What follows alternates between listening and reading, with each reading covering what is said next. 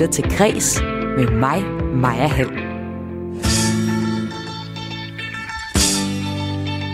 There's a starman waiting in the sky. He'd like to come and meet us, but he thinks he'd blow our minds. There's a starman waiting in Starten af 1970'erne var en brydningstid. Hippietidens Summer of Love var ved at æbbe ud, og både glamrocken, punken og alle mulige andre genrer stod for døren. Det var også en periode, hvor der blev udgivet rigtig meget musik, som nutidens musikere står på skuldrene af. Præcis i 1972 blev der udgivet en perlrække af klassiske albums, der med eftertidens øjne står som musikalske fyrtøj og som alle fylder 50 år i år. Og dig, der lytter med, du er tunet ind på en særudsendelse af kulturprogrammet Kreds på Radio 4, hvor jeg hylder 50-året for en række legendariske plader. Ikke? Lad mig lige name droppe lidt. Ikke? David Bowie's uh, The Rise and Fall of Ziggy Stardust and the Spiders of Mars, som vi lige hørte lidt af. Eller der var for eksempel Rolling Stones albumet Exile on Main Street. Der var også Lou Reed's Transformers, eller Elton Johns Honky Chateau, hvor der for eksempel er nummeret uh, Rocket Man.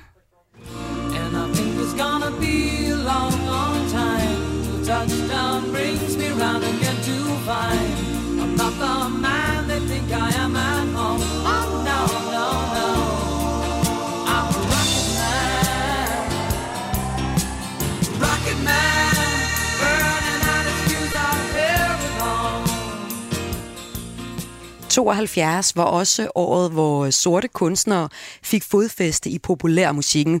For eksempel udgav Stevie Wonder albummet Talking Book med øh, den her.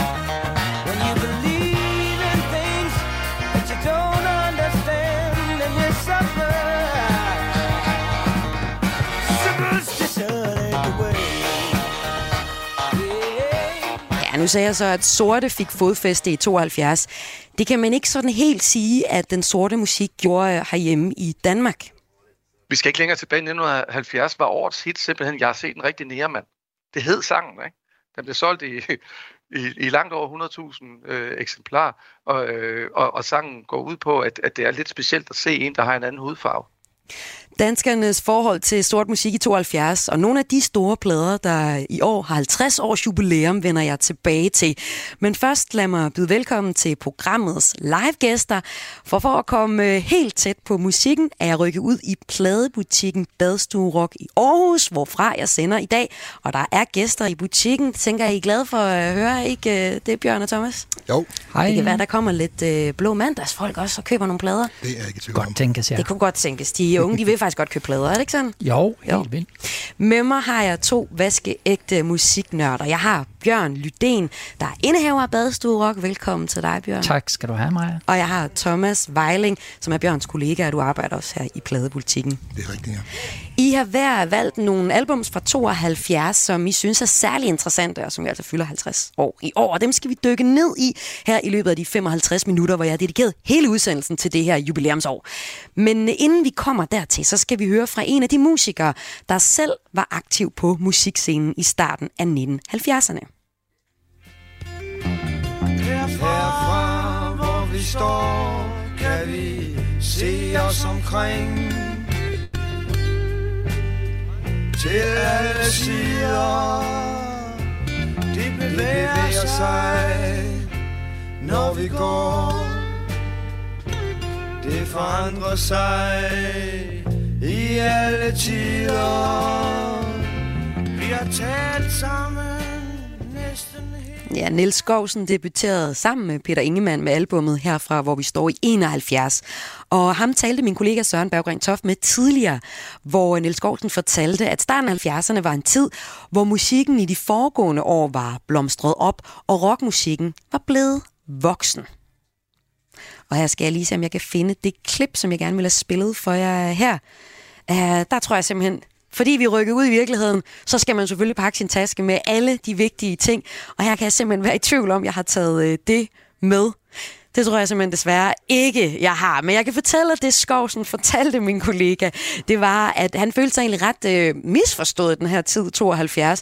Fordi han synes, han lavede noget ret progressivt musik fremad, øh, altså kigget fremad. Og alle folk var bare sådan, om han er jo altså, Summer of Love, og det er ligesom den bølge, han rider videre på. Men i virkeligheden, så var Skovsen også en del af den her øh, nybrud, som 72 var.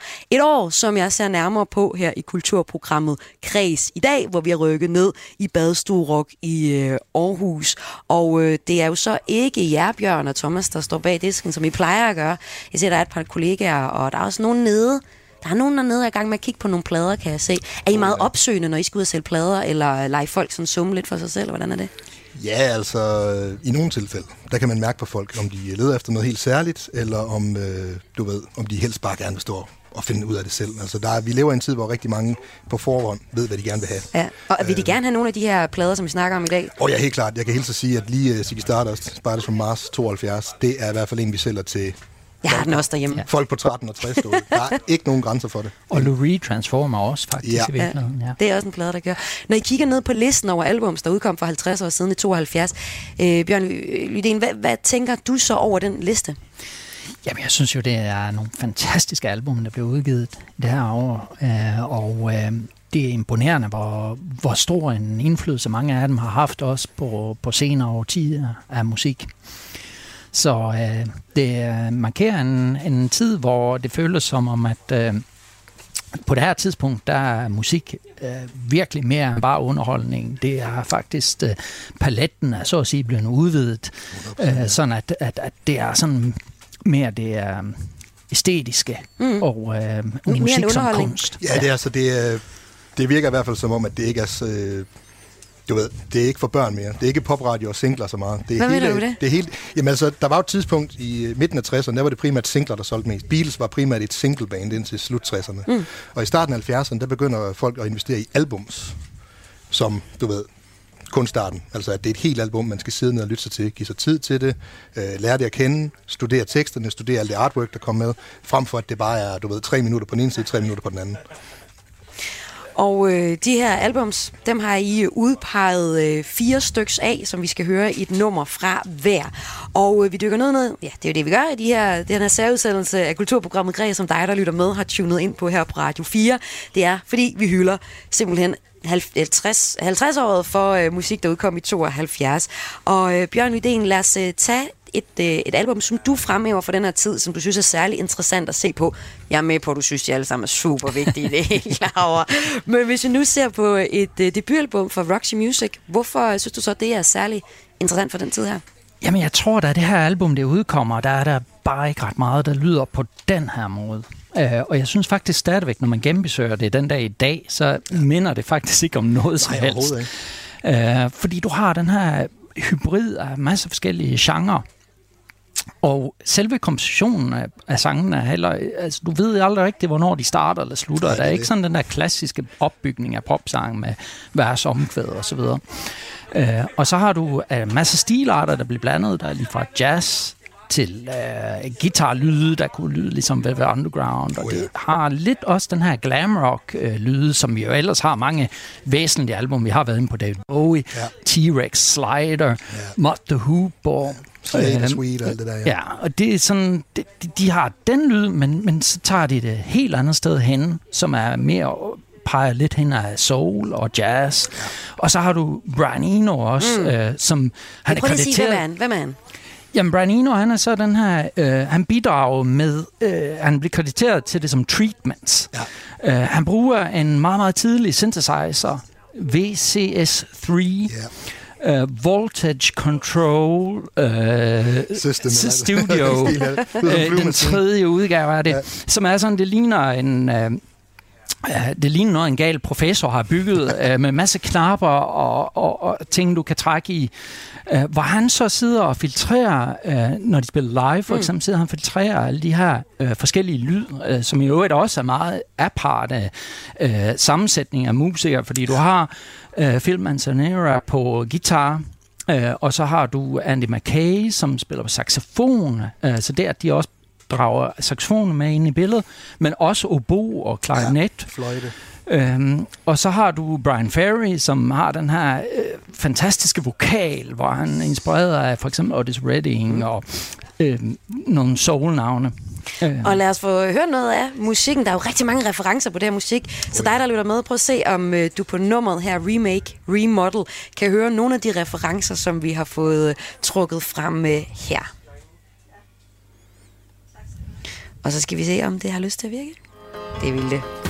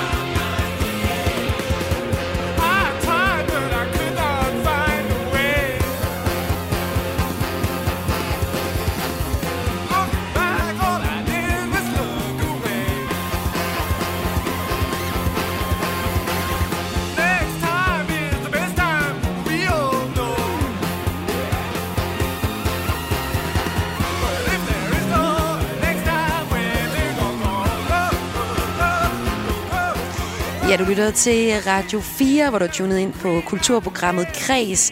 Og her er det vi er i gang med en særudsendelse om musikåret 72. Det er nemlig 50 år siden, at en lang række ret sindssyge albums udkom. Og øh, dem øh, taler jeg om lige nu sammen med øh, indehaveren af pladebutikken i Badstue Rock hedder Badstugade, Badstue Rock hedder butikken, øh, Bjørn Lydén, og jeg har også Bjørns kollega Thomas Vejling med. Og øh, nu fandt jeg det klip, jeg talte om før, fordi det her, det er jo oversøisk musik, vi hører, om man vil. Og øh, det er jo også lidt interessant at høre, hvordan det så ud herhjemme. Altså, hvordan lød musikscenen herhjemme? Øh, jeg præsenterede øh, før Nils Skovsen, som øh, følte sig en lille smule misforstået, da han øh, var fremme i starten af 70'erne. Og lad os da lige høre, hvad han siger om musikåret 72 i Danmark, sammenlignet med det store udland.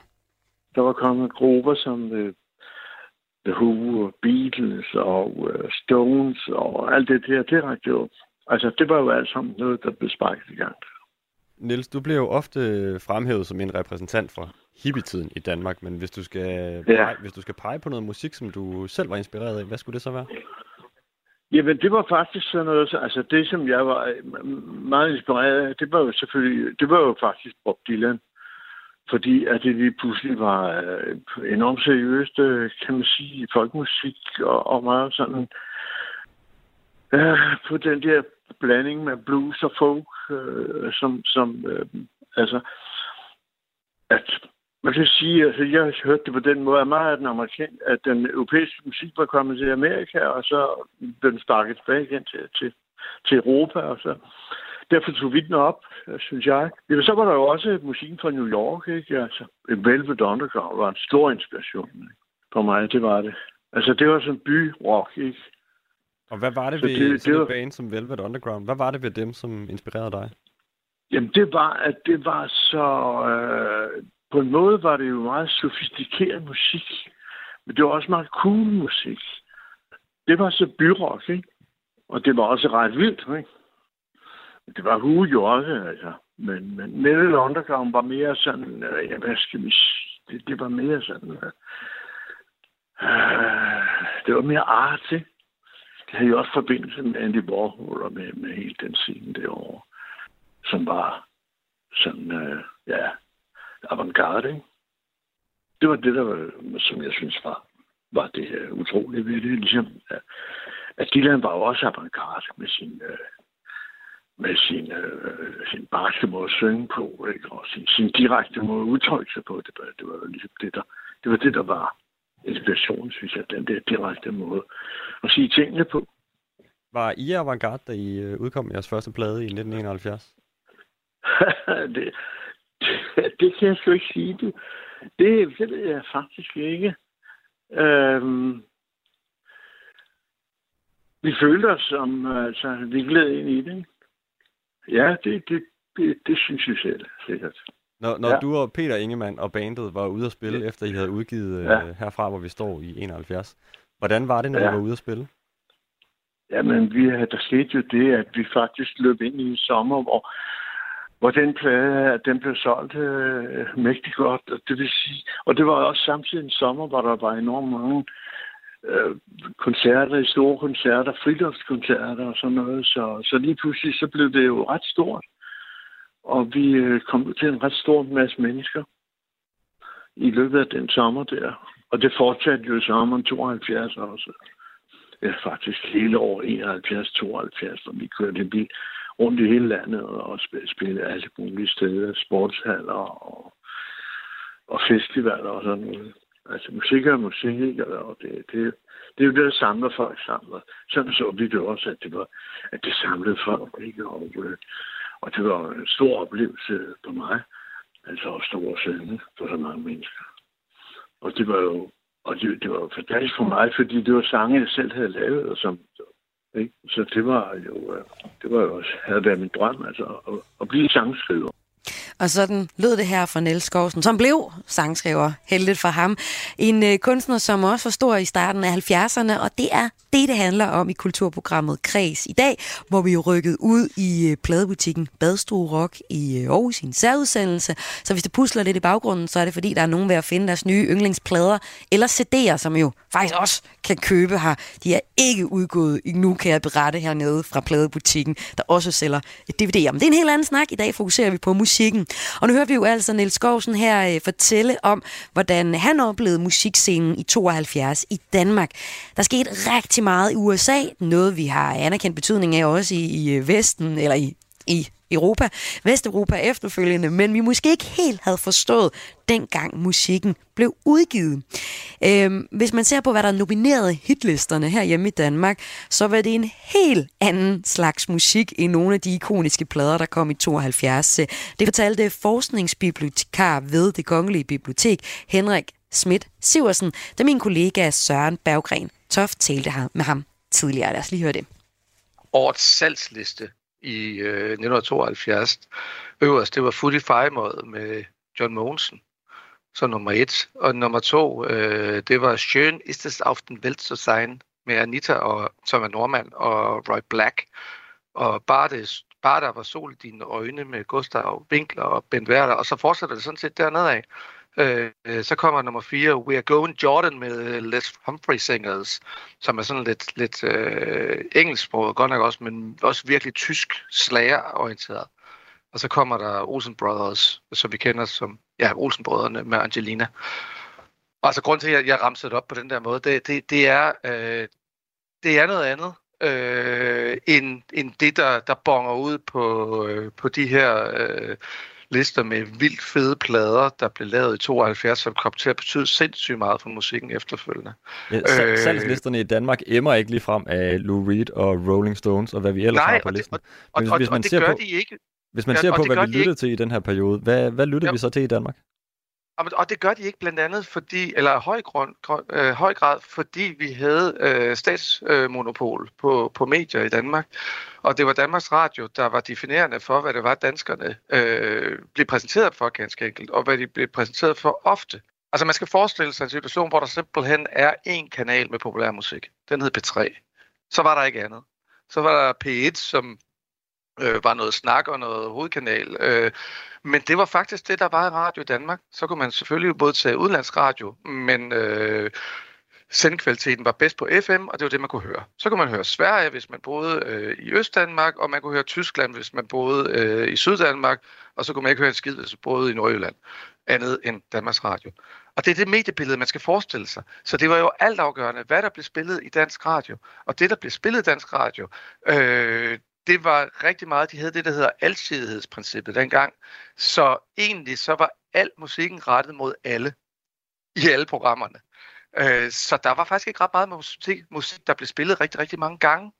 Øh, de eneste programmer, hvor der var gentagelser sådan ugenligt, hvor man kunne være sikker på at høre lidt den samme musik, det var hitlisteprogrammerne. Øh, og der var øh, i den her sammenhæng øh, var Jørgen Demilius en afgørende faktor, fordi han sad på et program, der hed Tipparaden, øh, hvor han spillede øh, det, det, det fedeste for udlandet, og det var faktisk ham, der bestemte, hvad der skulle testes, så lytterne kunne stemme om, hvad for nogle plader, der var hip og den slags.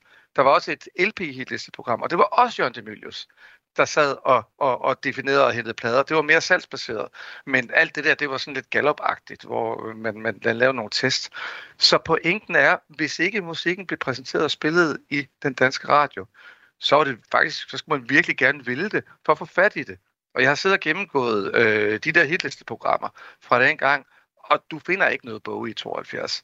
Du finder slet ikke noget Al Green, eller Steve Wonder, eller Aretha Franklin, eller noget som helst. Øh, ikke ret meget af det, der bliver nævnt, fordi det simpelthen ikke kom igennem den der finsortering. Hvor, hvorfor tror du, det var sådan? Hvorfor, øh, hvorfor hvor ser vi os overhovedet ikke imod de mørke kunstnere, som jo er blevet ret store i Amerika på det her tidspunkt? Øh, jamen igen, jeg har, jeg har nok meget med de der gatekeepers at gøre. Altså, der er rigtig mange i Danmarks Radio. Igen, jeg siger hele tiden Danmarks Radio, fordi det var simpelthen det, der definerede, som interesserede sig for jazz, og, og dermed også øh, den, den, den sorte kultur og, og blues øh, og den slags. Men øh, altså, vi skal ikke længere tilbage. 1970 var årets hit simpelthen, jeg har set en rigtig nærmand. Det hed sangen, ikke? Den blev solgt i, i, i langt over 100.000 øh, eksemplarer, og, øh, og, og sangen går ud på, at, at det er lidt specielt at se en, der har en anden hudfarve. Ikke? Så, så, så, så det er det ikke kun det mediebillede, men også kulturbilledet. Så øh, altså, der bliver ikke spillet ret meget øh, sort mørk musik, og øh, det er først efterfølgende, man har fundet ud af, at rigtig mange af, af de covernumre, som man, man, man hørte dengang, at det var oprindeligt med, med sorte kunstnere, som så blev spillet senere at vide sagde altså forskningsbibliotekar ved det Kongelige Bibliotek Henrik Schmidt Siversen. Du lytter til Græs med mig, Maja Hall. Og hvis det pusler en lille smule i baggrunden, så er det fordi dit kulturprogram Græs på Radio 4 i dag sender live fra pladebutikken Badstue Rock i Aarhus. Så øh, med mig har jeg indehaver af Badstue Bjørn Lydén, og jeg har også Bjørns kollega Thomas Vejling. Og hvis jeg bare lige skal beskrive, hvad det er for et sted, jeg står, så er det en pladebutik, der udkom et par år før det år, det handler om i dag. Er det ikke 71, skal det passe? Det er faktisk 73. 73? Efter, ja. Ah, okay, så I rødder kommer lige med på bølgen. Ja. Lige der. Altså 72, det er det år, vi sætter fokus på i kulturprogrammet Kreds i dag i en helt times temaudsendelse, fordi der udkom nogle ret øh, sindssyge albums på det tidspunkt. Nogle af de albums kan man finde her i butikken. Det er en butik, som hvis jeg skulle øh, henvise nogen til at finde nogle plader i Aarhus, så vil jeg henvise dem til den her butik. Man kan også købe CD'er. Det er der også stadig folk, der gør. Og øh, hvis man bare skal blive inspireret hernede, så er det jo en gammel butik. Det er beton på øh, gulvene, så er det plader over det hele i små gamle trækasser, og så er det plakater op og ned ad væggene, hvor man kan blive inspireret af, der kan se en gammel Kashmir-plade her, og hvad, Moby er der der, Muse hænger gult, og hvad har vi ellers? Iron Maiden selvfølgelig, der er masser af legendariske plader delt op i. Man kan også finde øh, brugte plader, eller brugte CD'er. Her er nogle Beatles øh, CD'er, dem er der selvfølgelig en masse af, dem gætter på, der blev produceret masser af, ligesom ABBA CD'er kan man også finde uh. hernede. Men uh, det er slet ikke den tid, det handler om lige nu. Det handler om 72 her i Kreds i dag. Og overgangen fra 1960 til 70'erne markerer en periode, hvor flere og flere afroamerikanske kunstnere sparker døren ind og får et ret stort publikum også i Europa, og også blandt hvide. Nu kunne vi så lige høre før, at i Danmark, der gik det lidt, lidt langsomt for os for at opdage, at der var noget fed musik fra kunstnere som All Green, eller Stevie Wonder, eller James Brown, Aretha Franklin, eller Bobby uh, Womack. Thomas øh, uh, Weiling, du er, har også valgt øh, et album. Vi taler i alt om, uh, om fire album, som I har udvalgt for det her musikår. Hvis vi nu skal starte med at sætte en ord på den her periode, hvad er det for en tid for de afroamerikanske kunstnere? Jamen altså, det er en meget, meget spændende tid. Det er også mange, øh, på mange punkter en brydningstid for dem, øh, i og med, at du havde øh, slut hvor du havde Martin Luther King, som der blev snigmyrdet, og du havde alle de der opstandelser, der var, øh, og borgerrettighedsforkæmpelser osv. Øhm, men altså, det blev mere og mere, øh, hvad kan man sige, tilgængeligt for det hvide publikum i USA at finde ud af, hvad der foregik på den sorte scene. Øh, du har blandt andet Otis Redding, øh, som havde et nummer et hit på øh, Billboard, Hot 100 i 68, og det fortsatte så on and off indtil starten af 70'erne. Øh, og du finder virkelig de sorte kunstnere, der har deres helt egen stemme. Marvin Gaye, han øh, bryder fri af sin meget, meget rigide Motown-kontrakt øh, og får den lavet om, fordi før det, der var han på mange måder den sorte Frank Sinatra. Det var pæne sange, det var mm. stryger, og du ved, der var, det var ufarligt.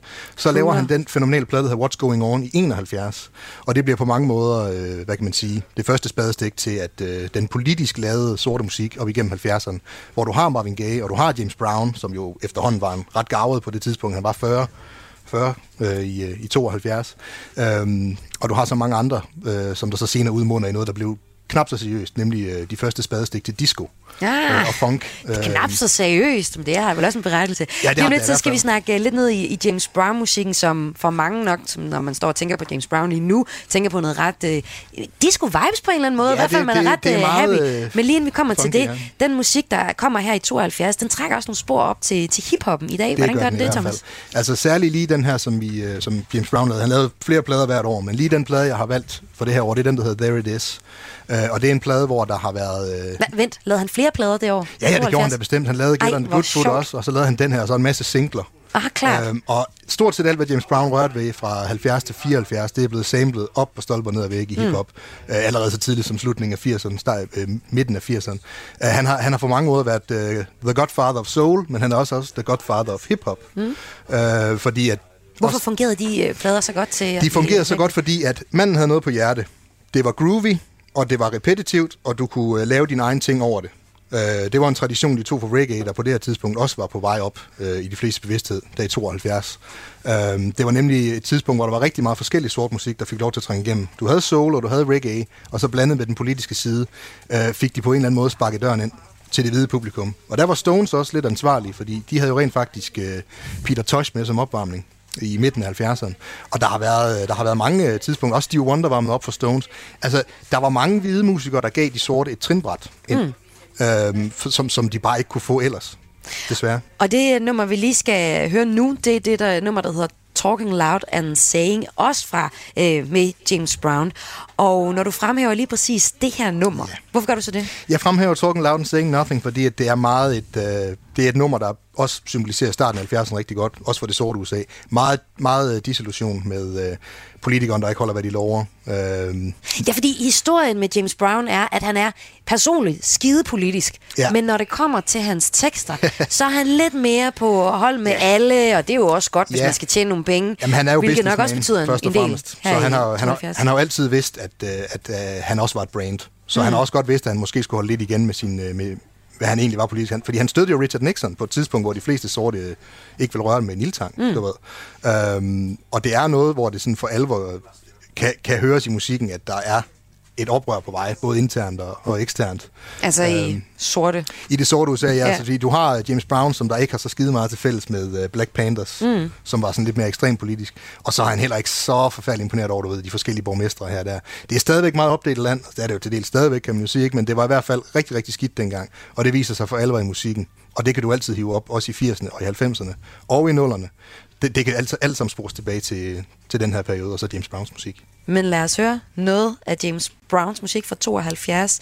Her er det i kulturprogrammet Kreds nummeret Talking Loud and Saying, altså med James Brown.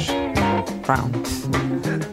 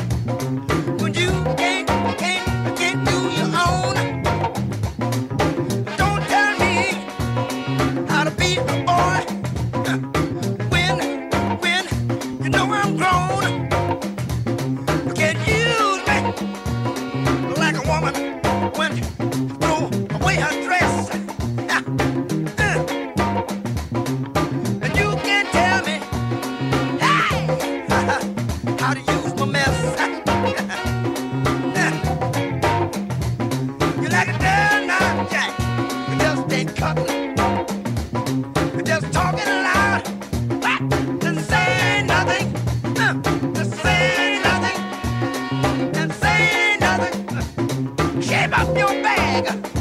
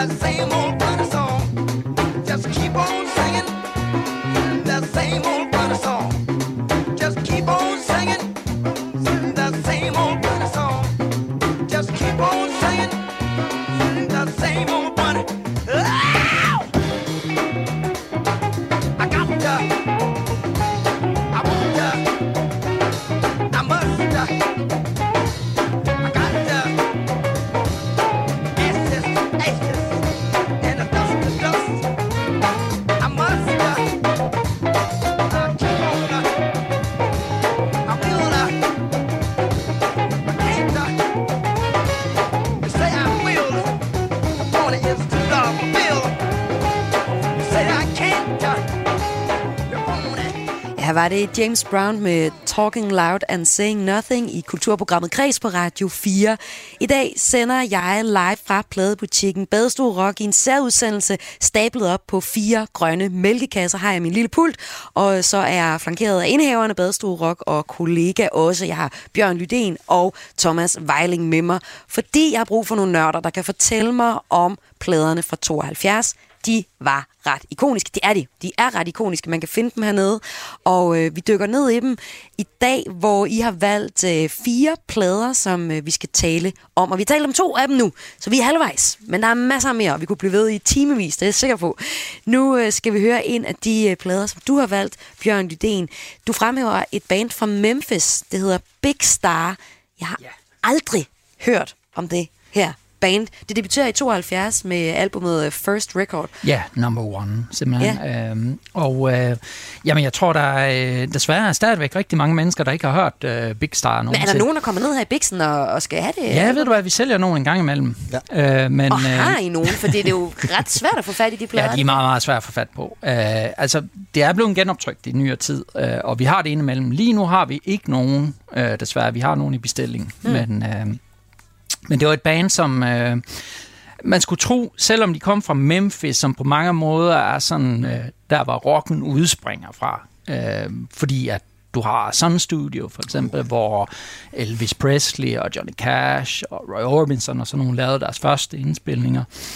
Øh, og du har en øh, fantastisk tradition for sådan blues og soul musik øh, så, øh, så lykkedes det alligevel ikke øh, at få det her band til at sådan slå igen om i starten af 70'erne. Som var nogle unge mænd, mænd i starten af 20'erne, meget, meget talentfulde. En af dem havde spillet i et uh, band, hed Box Tops tidligere, uh, som var sådan det, man kalder sådan blue-eyed soul. Oh, uh, det vil sige, altså det var hvide Men musikere, der spillede soul Hvordan kan det være, du har valgt det her album, hvis, det, hvis der ikke er nogen, der har lyttet til det? Hvorfor er det så så vigtigt for 72 der? Jamen, altså, det der er med det, det er, at øh, albumet har jo så sidenhen fået en legacy. Øh, fordi at i uh, op igennem 80'erne, og måske særdeleshed i starten af 90'erne, der blev det her band så at sige genopdaget.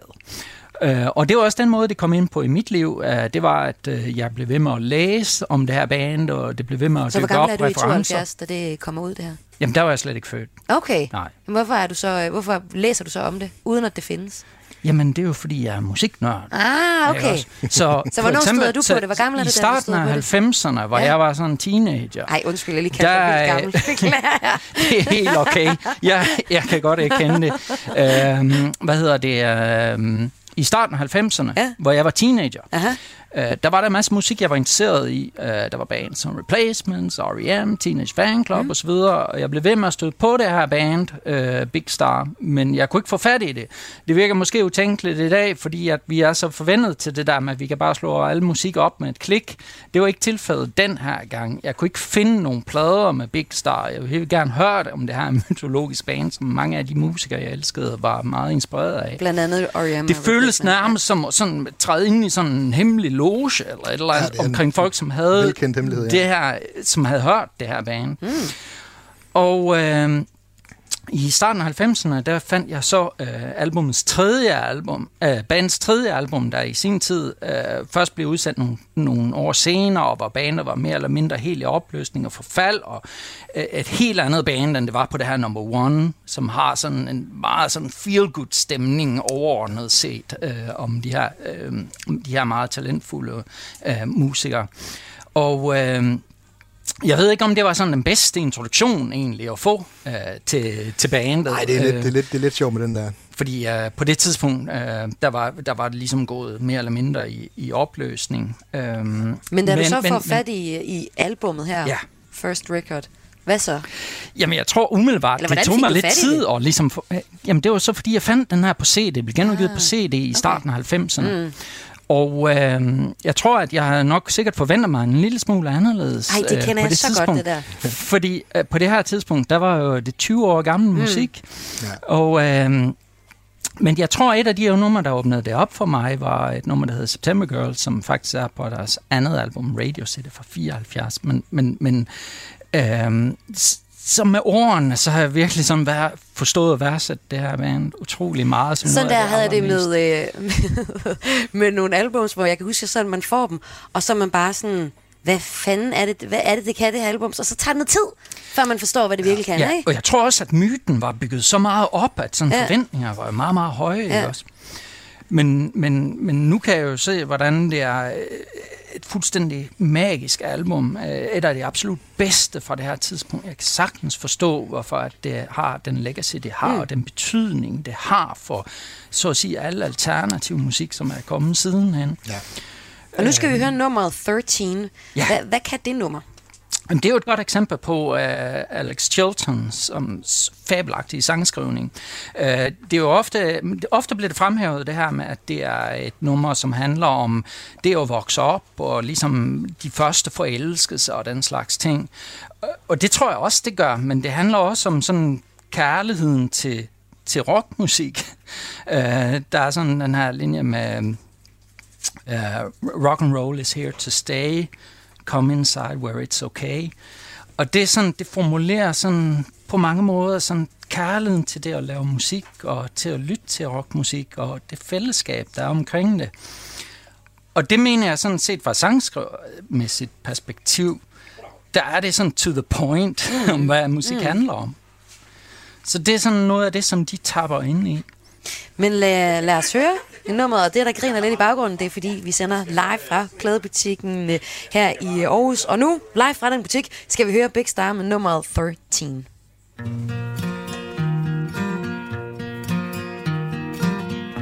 Won't you let me walk you home from school? Won't you let me meet you at the pool?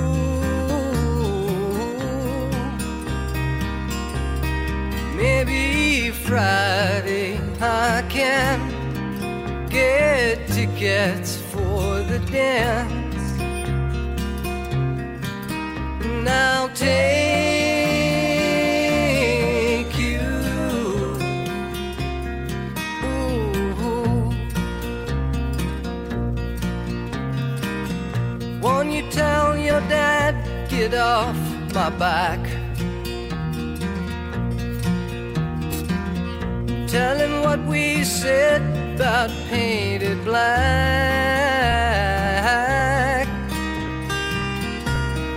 Rock and roll is here to stay. Come inside, well, it's okay. Now shake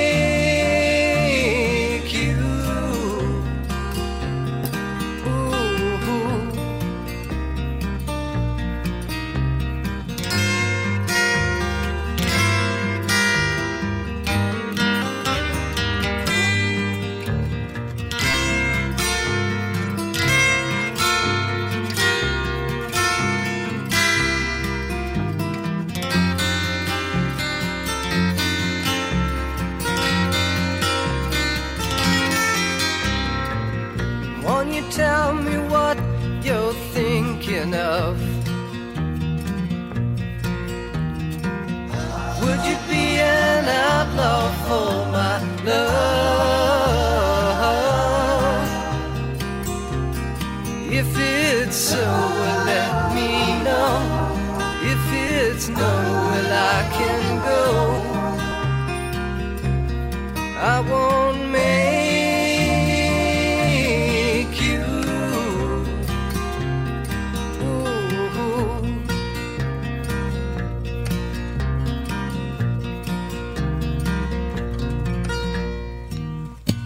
Nummer 13 med bandet Big Star her i kulturprogrammet Kreds på Radio 4, som du er tunet ind på, og det her det er en særudsendelse, hvor jeg dykker ned i musikåret 72, som er 50 år, eller har 50 års jubilæum, og det har en øh, lang række ret store albums, som øh, vi blandt andet har øh, talt om i øh, de sidste øh, snart tre kvarter her, på, øh, her i programmet. Nu så jeg lige bladret i min papir, for at lige komme med alle de gode eksempler på alt det, vi har hørt. Lige om lidt, så skal vi dykke ned i noget metal, men altså, hvad vi ikke har været igennem her i udsendelsen. Hvad, kan I hjælpe mig? Hvad har vi Ja, været der har igennem? i hvert fald været øh, Roxy Music. Bjørns Ja, Roxy Music har vi været igennem. godt valg. Og vi har øh, altså af eksempler ellers, det er jo også noget som øh, Elton John, øh, Honky Chateau, oh, vi ja. har Lou Reed, Transformer, øh, Rolling Stones, øh, Exile, Exile og Mainstream ja. Street. I øvrigt, det kan jeg huske, det var sådan et album, som jeg hørte og tænkte, hvad, hvad er det vigtige ved det her album? det tog noget tid, for jeg forstod det. Jeg tror heller ikke, jeg tror, der er flere, der har det på den måde efterhånden. Ja. Altså, den, er, den har, hvad kan man sige, dens legende overstiger dens egentlige, øh, hvad kan man sige, indhold. Altså, Okay. på nogle punkter, på nogle Ja, ja. punkter. Altså også det der med, at det er et dobbeltalbum. Det er jo også typisk for tiden, det der Ja. med, at hvis de, hvor folk de bare kunne lave den plade, de har lyst til. Ja. Og sælge spændevis. Det er svært at forestille sig i dag. Ja, fordi det er en, øh, en ret speciel tid, vi er i på det her tidspunkt. Ja. Man kunne godt lave et album, og så sende sælge spandevis Ja, af albums på det her tidspunkt. Det er også en brydningstid, hvor vi har talt om, hvordan musikerne måske er gået fra, og øh, det sådan er entertainment, og alle er bare glade til. Man begynder måske også at tænke ret meget big business, som vi talte ja, om med, med det gør James man i hvert fald. Også når vi når slutningen af 70'erne, så har gamet jo ændret sig helt. Så kommer det der såkaldte corporate rock jo ind, hvor det handler om, at folk de mener, at de er, hvad kan man sige, at det er en failure, hvis man ikke kan sælge mindst 2 millioner album eller sådan Ja, noget. okay. Og så slår de bare op, du ved, går fra hinanden. Ja. Det var ikke tilfældet i starten af 70'erne. Der handlede det trods alt stadigvæk på nogle punkter om musikken. Og det er også øh, et nummer, eller et album fra starten af 70'erne, vi skal dykke ned i. Nu med mig har jeg stadig indehaver af pladebutikken Badstue Rock, øh, Bjørn Lydén, og så har jeg Thomas Weiling, som er kollega til Bjørn. Og øh, Thomas, det er dig, der har valgt det sidste nummer, vi skal høre ja. i programmet i dag. Det er noget andet, for kan man sige. Vi er gået fra Roxy Music over til James Brown, Big Star. Nu skal vi over en helt anden genre. Et skift, der også siger noget om, hvor mange retninger i musikken, ja. øh, der er på det her tidspunkt, og, og der udvikler sig her fra starten af 70'erne og fremad. Ja. Øh, Thomas, du fremhæver bandet Black Sabbath, Yes. der udgiver albumet Black Sabbath Vol-. 4 Ja, i, volume four, ja. øh, i Det er 72. deres fjerde album. Øhm, det er et band med nogle tunge guitar riffs, og Oh, ja. øh, med tidens øjne er det også nogle ret voldsomme tekster. Ja. Altså, uha, man tænker, hvad er det for noget gris, det der? Og de er sådan blevet lidt til heavy metal musikkens skud fødder. Hvorfor er det et af de bands, som du fremhæver i dag? Altså jeg fremhæver det i dag, fordi at det er et, et band, hvor du kan kigge på hvilken som helst årti mm. inden for særligt metal, men så sandelig også bare rock som helhed. Men særligt metal, altså som, som Bjørn kom ind på tidligere her i dag, det, det er doom metal, man ser, hvad kan man sige, komme, komme til live. Og der er også noget, hvor det bliver lidt teknisk, fordi ham, øh, gitarristen Ayomi der, han, han, havde en helt særlig teknik. Men det, der så også er med det, der, det er virkelig ørehænger også, fordi det er bare nogle gode riffs. Mm. Øhm, jeg tror også, det er det, der gjorde, at særligt Black Sabbath, der var mange hard rock, tidlig heavy øh, bands på det tidspunkt, men særligt Black Sabbath har nok overlevet, fordi at de kunne så meget. Altså også den her Volume 4 har den meget, meget smuk ballade, der hedder Changes, hvor der ikke er guitar på overhovedet, for eksempel. Mm. Øhm, og så har den alt mulige afskygninger af, hvad der så senere kommer op igennem 70'erne, 80'erne og 90'erne. Man kan også høre tidlige uh, spor på grunge. Du ved, Nirvana, Soundgarden, uh, Mudhoney og så videre. Ikke? Altså, det, Ej, der sker jo sindssygt meget, men ja. er det virkelig et sindssygt år 72, eller har ja. vi også lidt valgt 72? Altså, jeg må indrømme, jeg synes, at fra 67 til 74, det er sådan der hele mm. vandskuret til nærmest alt musik, vi har hørt lige siden, uh, ligesom udspringer fra. Inden for alle genrer, inden for alle hudfarver, er du, inden for alt Jamen, det er jeg faktisk. Uh, det er, og jeg mener, hvis vi kigger på de her valg, som vi har lavet mm. i dag, så er det jo interessant at se, du har Roxy Music, hvor der ligesom bliver lagt et fundament for uh, alt punk, ja. uh, og alt sådan uh, post-punk, og uh, generelt sådan også uh, New Romantics, ja, ja, og hele den der sofistipop-delen ja. og synthpop-delen. Ja, Duran Duran. Meget, meget inspireret af Roxy Music. Ja. Uh, og så har du uh, James Brown der, hvor du uh, kan se, du kan sådan læse hele hiphop-historien nærmest bare ved at kigge på James Brown, ja. fordi at det, det er bygget op omkring James Brown samples rigtig meget af det. Yes. Du har uh, Big Star, som har haft helt vildt stor indflydelse på alternativ musik, indie bands og den slags og uh, Black Sabbath, som Thomas er inde på her, som jo, altså der er intet, det er svært på pege på noget.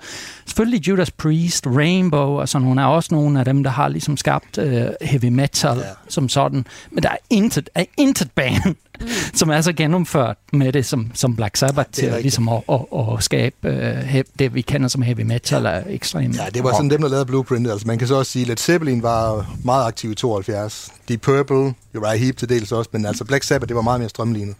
Og lige lidt skal vi høre et Black Sabbath-nummer, øh, Cornucopia, og vi skal også høre, hvad det, hvad det lige præcis øh, kan, lige, lige præcis det her blad. Jeg kunne godt tænke mig også lige at høre jer, inden vi skal, jeg tror, vi slutter helt af med det nummer, men jeg kunne godt tænke mig lige at høre ja, nu er vi en pladebutik i dag, hvor vi sender live fra. Man kunne jo godt skyde jer i skoene, at I kæmpe nostalgikere. Og der er sket meget siden 72. Noget af det, du har været inde på, Bjørn Lydén, det er, at øh, dengang øh, i 90'erne, så kunne man bare ikke få fat i det der. Man kunne ikke få fat i, øh, i det album, du lige gerne, men du kunne ikke få fat i det der... Øh, Big Star øh, album, som du havde hørt så meget om, som mange af dine store idoler, som R.E.M. var inspireret af. Nu kan man få fat i alt mm. musik det er jo også fedt. Det kan jo også noget. Internet kan jo også noget. Eller hvad? Er I øh, sådan to nostalgikere? Ja, yeah, altså... Ja, eller, altså, jeg må indrømme, altså, for mit vedkommende, der, der synes jeg, at det gode ved den tid, vi lever i nu, det er, at nu kan vi kigge tilbage på alt det her. Mm. Og måske opdage noget, som for eksempel, havde jeg levet i 72, så ved jeg sgu ikke, hvordan jeg ville have været faldet over alle de der mærkelige ting, jeg godt kan lide. Nej, nej, vi har jo hørt, øh, hvad du så ville høre, hvad der var på playlisten. Alt muligt fra på Tyskland, hvor der ja, foregik ja. en masse, og Japan foregik der en masse. Mm. Ved, hvordan kunne man finde det i Aarhus 72? Det kunne du bare ikke. Det kan man nu. Så det kan godt være, der er noget, der er gået tabt, men vi har trods alt også vundet lidt ved den, hvad kan man sige, stigende globalisering og den der måde, at det bare er nemt, at alting er et klik væk, mm. mere eller mindre. Altså, det har trods alt nogle enkelte gode sider, synes jeg. Hvad siger du, Jørgen? Jamen altså, jeg er enig. Selvfølgelig kan man sige, at øh, der er en del af mystikken ved det, som, som selvfølgelig er forsvundet, men, men samtidig så kompenserer det ved, det er en utrolig luksus, det der med at have adgang til alle de her ting, øh, og, og, og så nemt kunne finde frem til musik. Øh, men jeg synes jo også, det er interessant at se, fordi på en eller anden måde, så er det ved at gentage sig en lille smule, fordi nu er der simpelthen så mange LP'er livstiden, der er svært at få fat på. LP'er er jo kommet rigtig, rigtig, men det kan vi jo mærke hernede, kommer rigtig meget tilbage øh, på mode, og rigtig mange unge mennesker nu her, hvor det er blå mandag, hvor de kommer ned og bruger deres penge på LP'er, er jo fantastisk du at se. Ja. øhm, og, og, og, og, så, men, men lige for tiden er det, er det svært at få fat, fordi markedet kan ikke uh, rigtig følge med i den efterspørgsel, der er på LP. Så lige nu, hvis der er en, en, nogle bestemte LP'er, du søger, så kan du godt opleve, at det rent faktisk er svært at, mm. at finde det. Ja. Selvom du kan altid gå på en online service at finde det der? Eller kan du? Ikke? Altså, fordi man ser også eksempler på kunstnere, der trækker deres ting mm. fra de her online service. Det var meget omtalt selvfølgelig med Neil Young og Spotify, Johnny Mitchell og så videre, mm. der følte lidt trop. Uh, og, og det det hænger sammen med, at, at alt, der foregår på internettet, har en mere flygtig karakter, hvorimod hvis du har en LP-samling, så kan du altid vende tilbage til den. Den er så at sige din, ikke? Altså det andet, det er noget, du leger dig ind i. Ja, lige præcis. Og nu er sælgeren også gået i gang her, kan jeg høre. Men det er også øh, helt, helt fair. Nu øh, tror jeg, vi skal til at høre lidt om Black Sabbath. Ja. Øh, Cornucopia. Hvad ja. er det for et nummer, vi slutter ja, udsendelsen altså, af med i dag? kort sagt, så kom Black Sabbath jo fra en tid, hvor der også var et... Øh, en, en stigende tendens i England inden for det, der hedder progressiv rock, mm. hvor at, øh, det handler om, hvad man kan sige, lidt mere skæve taktarter. Man kan sådan set mere eller mindre lave, hvad man har lyst til, øh, og så sende det ud på plade. Øh, Cornucopia har et meget, meget mærkeligt tempo, fordi det var også en rigtig, rigtig svær sang for dem at indspille. Øh, men det er hårdt slående, og det er en sang, der også sender en bred side til det, som de her, hvad kan man sige, shaggy arbejderdrenge fra Birmingham, de mødte, da de turnerede i USA, og USA var uden for rock and roll livet var USA stadigvæk meget, meget konservativ, meget, meget gammeldags. Og det er sådan lidt en stikpille til, øh, til, til den side af samfundet, som jo Så hvad skal vi lytte efter på det her nummer? Sabbath. Jamen altså, man skal i hvert fald særligt lytte efter, at, hvad kan man sige, at du ved... Hvad består I think- stikpillen i? Jamen, stikpillen den består af, du ved, you're gonna go insane, they're trying to fry your brain. Eller noget, det. Jamen, altså, det der med, at man ligesom, hele den der forudsigelighed og den der intetsigende, som der var i de- det meget, meget konservative amerikanske forstadsmiljø der, det leder ikke nogen steder hen, og man skal ikke kigge på Black Sabbath som værende dem, øh, der er skyld i det, hvis det skulle gå galt. Øh, hvis der kommer en skoleskydning, eller hvis der er nogle unge, der begynder at ryge hash, fordi de ikke gider det. Jeg tror, amerikanerne de fik at vide, at de skulle kigge lidt mere indad, frem for bare at pege fingre af, du ved, alle dem, der kom. Det havde de jo gjort lige siden Beatles. Der mente de jo, at øh, der var kulturelt fortæv i gang derovre. Øh, og det slet ikke havde noget med dem selv at gøre. Så på den måde er det en fed stikpille. Og så er det også bare, øh, du ved, kick-ass metal. Jamen altså, Mega tungt nummer i hvert fald. Ja, det er Lad os slutte øh, den her udsendelse af med noget mega fed metal.